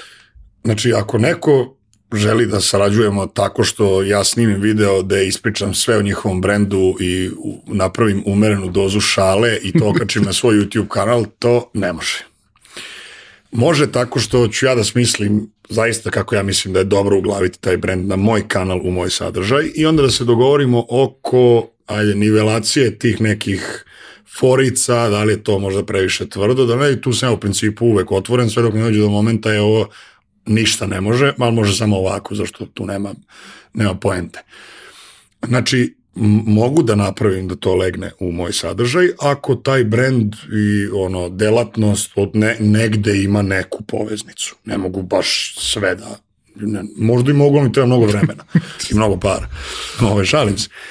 Ono što ja mislim da je uvek zdravije je da se, a, ako vidimo da možemo da sarađujemo i ako se dogovorimo oko svih uslova, mi to odradimo u svojoj produkciji na neki ajde da kažem, zajednički dogovor ono, oko forme, kako će to da izgleda i sve. I onda da to oni dobiju kao gotov materijal i da pucaju na svoje ono, platforme gde god imaju, gde god mogu. Mislim da je to mnogo zdravije, jer ako ja uradim to kako oni hoće, mene će narod pljuvati u komentarima. Ako to radim kako ja hoću, oni će jako da se boje i ono, odazivaće kravate i baš biti u fazonu, ja hoće nas generalni ono, zapaliti i ostalo, a neće, zato što neće, nikad nije niko.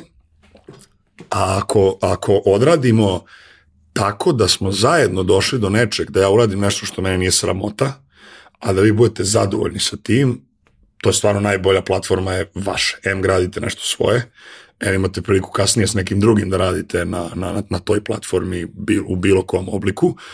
I treće, ne cimaš se ti ni oko čega više tu u smislu objavljivanja šta god, ja nemam te, tih briga, ne moram da gledam da li mi je sadržaj, ono, da li mi je ok da imam pet brendiranih videa pa onda jedan svoj i nekako nisam pristalica tolike hiperprodukcije. Znaš, nego ajde da vidimo, ako možemo, brate, možemo, ako ne možemo, moći ćemo možda nekad, ne sad, pa ne vez. U svakom slučaju postoje različiti modaliteti. Tako je, da, postoji I... od toga da samo sednemo nas par ili ja sam napišemo, ti dobiješ nek, nek snima i ne glumi ko hoće. I to je, to nam nekad i lakše. Jer kao ja izbegavam da radim baš kao ono, dosta saradnje sam i odbio i ne mogu da kažem stvarno da, da svako ko mi se javio sam s njim i sarađivao, ali ovaj, svako s kim smo mi kao ekipa i ja sad kao autor na svom kanalu s kojim smo sarađivali su uglavnom bili zadovoljni. Zašto kažem, uspeli smo negde da dođemo do nekog ono, kompromisa i da to stvarno nas ne bude sramota, a da oni ne dobijaju packe. Dobro, to je, da kažemo, uvek negde izazov sa sadržajima koji mogu da budu edgy. Da. Ne moraju da budu edgy. Priroda YouTube-a je takva da će verovatno edgy sadržaj da privuku malo veći broj ljudi, ali svakako i ono što nije, što ne ide toliko u nekakav ekstrem, može da ima svoju publiku, posebno ako je to neka forma ono, serijala ili nečeg slično, nekad može i jedan klip da napravi sjajan rezultat, ali obično ono, provlačenje likova kroz nekoliko različitih situacija odvojenih ovaj, u različite skečeve može da bude, može da bude dobra priča. Dakle, postoje različiti modeli kako, kako ovaj, ljudi mogu da, da sarađuju sa tobom, ti si otvoren za to da se jave, da popričate, no, da vidiš naravno, šta je da, kako. Da, da. E sad, a, šta ti je cilj nadalje da, da radiš. Ok, sad dolazi leto, ti si na vodi, svi znamo da si da, na vodi. Da, da. Uspeo sam nekako da vežem reku za sebe ovaj, na, na društvenim mrežama, što mi je dosta drago. Osim što je zagađujemo non stop ovaj, i neki dan mi se neki lik javio kao, ma to ti uziš čamac sa kao benzinom po reci. Kao, nemoj ti je priča o zagađivanju. Kao, ok, brate. To je argument. Bravo, majmune. Kao, super. Ali stvarno smo preterali, kad pričamo o reci, stvarno smo. E, Neću da ode u ekologiju, ali baš smo ga preterali. Baš je užasno. Imam tu ovaj, sreću i privilegiju da, da imam da imam, na, na, na, kao, ne, imam prijatelja, imam prijatelja koji, koji ima čamac i koji voli to. Voli da se svi provozamo da. po reci, odemo negde na klopu, nešto slično i kao, to stvarno jeste neverovatno opuštajuća stvar. Mislim, u Beogradu gde je sve konstantno pod tenzijom, samo na reci otprilike nema te, te vrste tenzije. Ali ima dana kada je sve super i kada ono, zalazi sunce i sve je lepo i to ima dana kada pored tebe prolaze neke stvari da tom rekom, a da. ti si u fazonu jebote. E, to je kao ne igrica, on star, kao Hugo, brate, kao, znaš, kao nailazi sad tok i sad ti kao, up, svinja, up, šporet, up, poklopac frižidera, znaš, tako da je, da je dosta zanimljivo i nemam šta da kažem za te ljude, osim stvarno, ono, aj, sklonite se s lica zemlje. Jer kao maturi, ako imaš čam, pazi, tu su čamci, ti kad gledaš to šta, šta je tu po vodi, tu je čamac 50.000 evra. I on skotina, kao limenku, fljos. Dobro kao reklama za, za, za pivo, kao. Da, brand i onda u vodu. Ali, znaš, ne, ne, ne znam, ne znam. Nastavit ćemo ome da ne bi previše otišli u, ono, da ne bi išli u mutne vode. Čamac, da, to pas. Je leto. To je leto, čamac, pas, da. Ovaj, to, su, to su ono dve stvari koje možemo da vidimo na, na, na tvom Jest. kanalu, uh, odnosno na tvom Instagramu pre svega. Jest. E sad, ovaj, ne deliš previše svoj privatni život i nije mi ideja da to nešto Sve mnogo okay. ogolimo, ali, ali bih voleo... Da ženiš, da, da, da. ne, ali bih voleo da kažeš šta su, šta su neka tvoja interesovanja pored toga, odnosno kao ako bi eksp eksperimentisao i ako bi istraživao neke stvari i ako bi želeo da zađeš u, u, u neke nove oblasti, šta bi to negde bilo i koji, koji prosto, koje su tvoji hobi, strasti, zanimanja, šta je negde nešto što bi jako dobro rezonovalo sa tobom i, i tvojom publikom? Uh, dakle, futbal ne, to smo shvatili. Da, futbal ne, Ali vidi, dosta je to kod mene jednostavno, jer ti kad pričaš o ovakvom modelu poslovanja koji ja imam i ovakvom tempu rada koji ja, koji ja držim, e, ne ostaje tebi tu puno vremena da sad kao imaš još i neki ono hobi puta dva, tri, pa sad ne znam, čamac je hobi, donekle ljubav i, i hobi, znaš, kad imam slobodno, paf tamo. I naravno kuvanje kotlića i svega ostalog s prijateljima i u stvari to je negde bi ja to sveo na neki beg u što manji broj ljudi sa što više opuštajućih tema i što više ono, punog želuca i prazne glave. To je negde, negde. Ima uvatim ja sebe, osim neki dan sam legu u krevet i kao tražim makete. Kao, znate šta će tebi maketu? Sam nešto tako pamet, kao mogu bi ja sastavim neku maketu nekog aviona vojnog. I kao onda lista mi kao, brate, ne bi mogu da sastavim maketu vojnog aviona, aj dalje, kao nađi nešto drugo. Tako da uvek ima neki, neki suludih ono stvari, a ove godine nešto hoću malo da se bacim na putovanje, pošto sam slabo igde bio i ovaj, to me dosta nervira i hoću ove godine da vidim ono malo da, da, da nešto proputujem, da vidim šta ima okolo, da vidim, da vidim kakvo je stanje tamo, imali naših i ostalo. I ovaj, čak me par ljudi pitalo kad sam bio u Švedskoj kao što ne snimiš vlog. Ja sam skonto maturi, ako odem da odmorim i dalje snimam, kao stvarno, već šta mi ostaje na ovom svetu, ono, ne više ništa. Zato, zato i svoj privatan negde život ne otkrivam mnogo. Znaju ljudi, brate, imam čana, znaju ljudi, imam psa i ono kao, znaju otprilike, tu sam u Novom Sadu, na Limanu i kao to je, to je, eto, to je ono nešto što bi mogu reći u par reči o meni kad, kad bi pitao o mom prijatnom životu.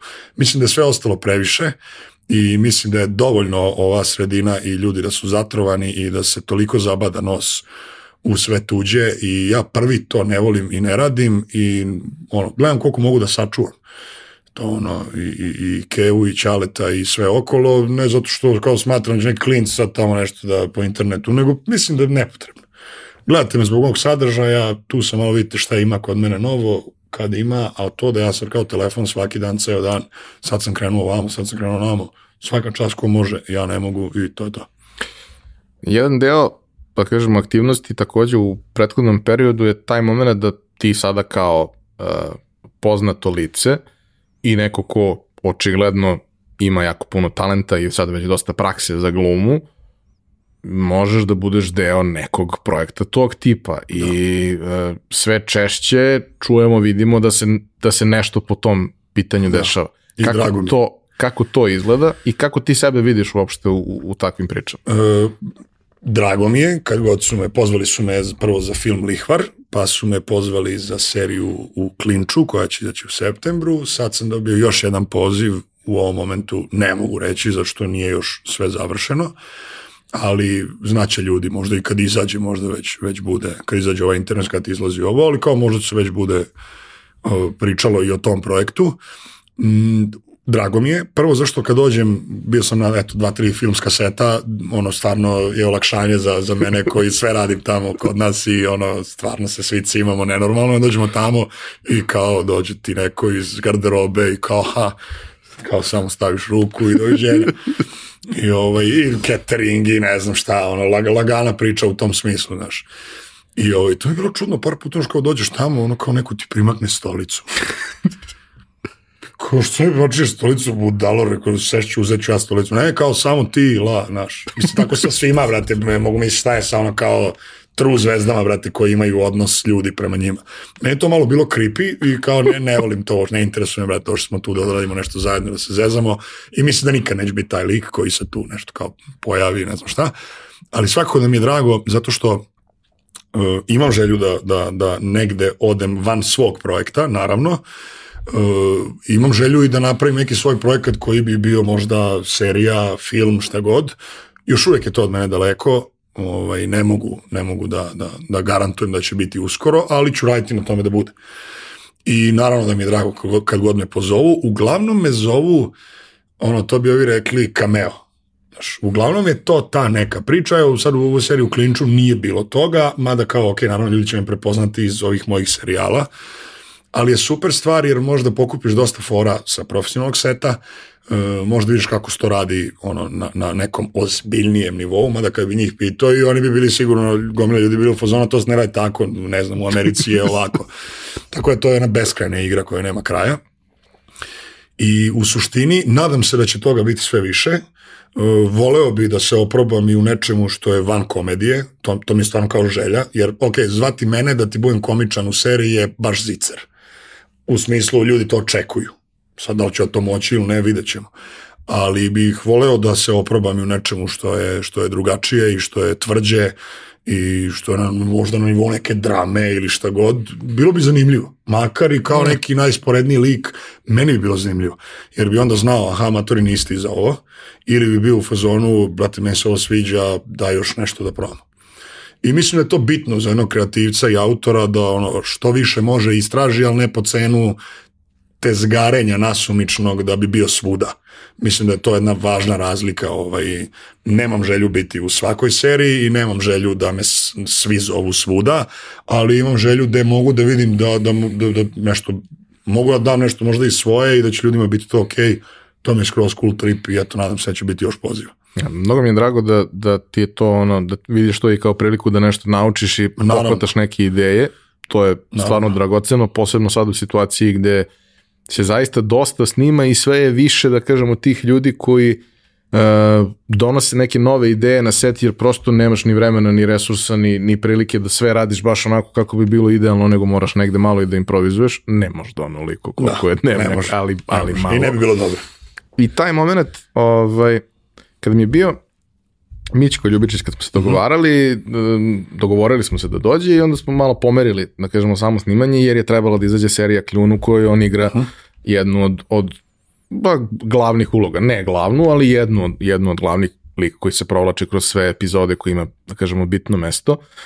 I naravno, to je Mićko. Mislim, očekuješ da će da bude Mićko. Da.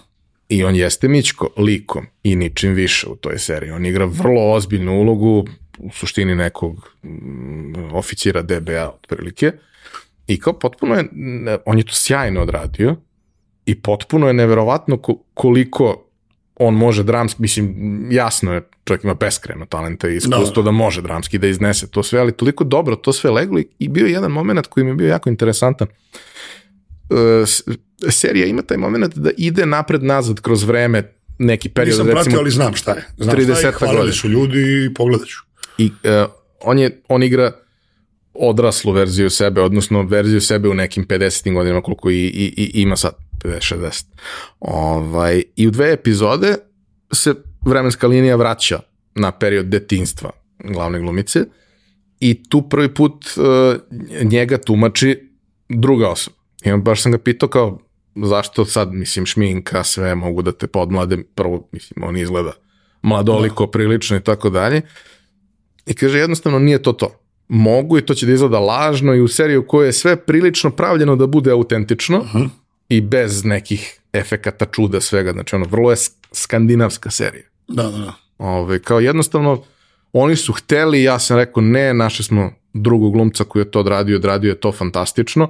Malo ti je kao gledalac jedno prvih 5 sekundi dok ne skapiraš da je to mlađa verzija njega, malo imaš kao problem ali zapravo je to sjajno urađeno i mnogo, mnogo dobro kad imaš tako ono, čoveka koji nema tu vrstu sujeti.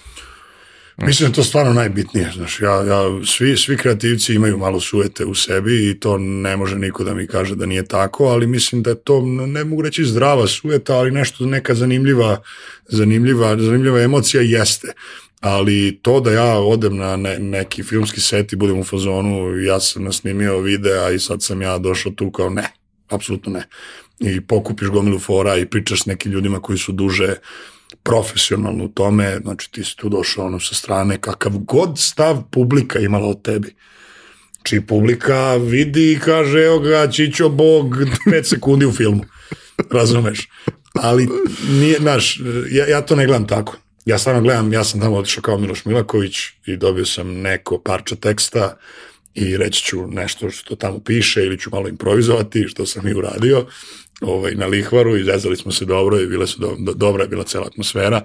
I u stvari na svim snimanjima do sad, eto, bio sam na, kao dva profesionalna, s tim što sam radio reklame, neke ranije scenarije, pa sam bio na, na tim setovima. Ovo je prošlo vrlo, vrlo cool vrlo cool i ono što sam ja video da to nije niko posle toga bio u fazonu da obriše ovog lika iz scene jer ne znam. Eto, to je onako bila meni neka potvrda da je ovo cool još nekom iz tog sveta. I naravno da bi voleo da toga bude još i nadam se da će biti, ali ako ne bude, evo, ima kanal, pogledajte.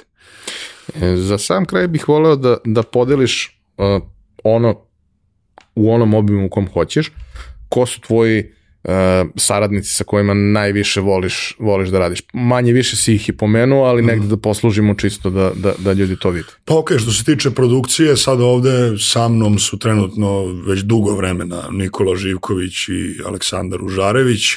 Nikola je za kamerom, ovaj, Žare za, za mikrofonom i za bubicama. E, sarađujem s momcima iz državnog posla, s momcima iz prvog servisa. E, imamo dosta puta nekog još na setu jednog uglavnom čoveka ko nam, ko nam pomogne oko kamere, evo sad je to bio jedan mlađi kolega Vuk Mirković, e, uglavnom je to neka ekipa iz Novog Sada, prosto logistika je, logistika je tu bitna da se svi možemo organizovati i naravno cela ekipa s kojom sam pravio ovo, ovo do sad što sam pravio Mihajlo 1, Mihajlo 2, Daniel, Vasilije, cela ekipa Starzan je gomila još ljudi tu drugara koji mi pomažu, ono, koji dođu da gostuju kao pojave se, kažu repliku ili ne, sad mi je bila prijateljica jedna stara iz Sremske Mitrovice, Sandra Kondić, tako da uvek gledamo da to snimanje je nekad mučno i sve, ali na kraju gledamo da ipak odemo odatle i u fazonu zabavili smo se. Eto, bilo je dobro, izaće nešto ok i bit ćemo zadovoljni sa tim i I to je bitna ti ekipa s kojom radiš, jer ne vredi, ne vredi drugačije. Kad se namirišeš s nekim dobro, gledaš da taj tu neko ostane sa tobom, ako želi naravno i ako hoće, ali opet ti kažem, u ovom ludom svetu sa ovim parama i sa svim ostalim, ne možeš da zakucaš jedan broj ljudi da ga se držiš do kraja, prosto se menjaju ljudi. Ja, nepredvidljivo je, to je ono. Da. Nije čak ni toliko strašno kad imaš neku ograničenu količinu para ako znaš da je ona izvesna. Tako je. ali nije, ništa Tako je. nije izvesno iz meseca u mesec. Ništa. Miloše, hvala ti puno. Hvala tebi, hvala ekipi celoj i nadam se da ćete nastaviti u dobrom ritmu i da je ovaj da ste zadovoljni celom pričom do sada i da vam sve u životu ide. Ovaj, ti nastavi da a, adresiraš ta neka bitna pitanja koja, koja nas sve muče i nasmeje nas ono makar od muke ko kad gledamo ono za, za paket ili za Da. traženje auta ili scene sa ovaj, iskrene svadbe. Uh, ostani veran svom autorskom ono osjećaju i, i, i pečatu, mislim da je to ono što te zaista izdvaja u odnosu na sve ostale. Možeš da doprineseš i na mnogo drugih načina, ali mislim da je taj izraz tvoj nešto što treba da ostane autentično vezano za, za tvoj lični kanal, a ja se nadam da će dnevnjak početi da nam se pojavljuje češće u, u, u feedu sa nekim novim stvarima, da će se ponovo Trudit ćemo pojaviti se. malo, malo sluha za to. Hvala vama što, što ste nas gledali i slušali, nadam se da vam je bilo interesantno. E, Vi možete postaviti pitanja kao i posle svake epizode, a e, ja ću da proberem pa ću po nešto da mu pošaljem da, da na to odgovori. E, Ako želite da ga kontaktirate, možete to da uradite direktno. Da, imam, imam mail, uvek ima na, na YouTube kanalu i imaš, mislim, Instagram je uglavnom kao, tu, tu se uglavnom ljudi obrate. Za savjet. ako ne možete da ga nahvatate, pišite meni pa ću ja da mu prosledim pa, pa će se javiti. Hvala vam još jednom, to bi bilo to, čujemo se i vidimo ponovo sledeće nedelje.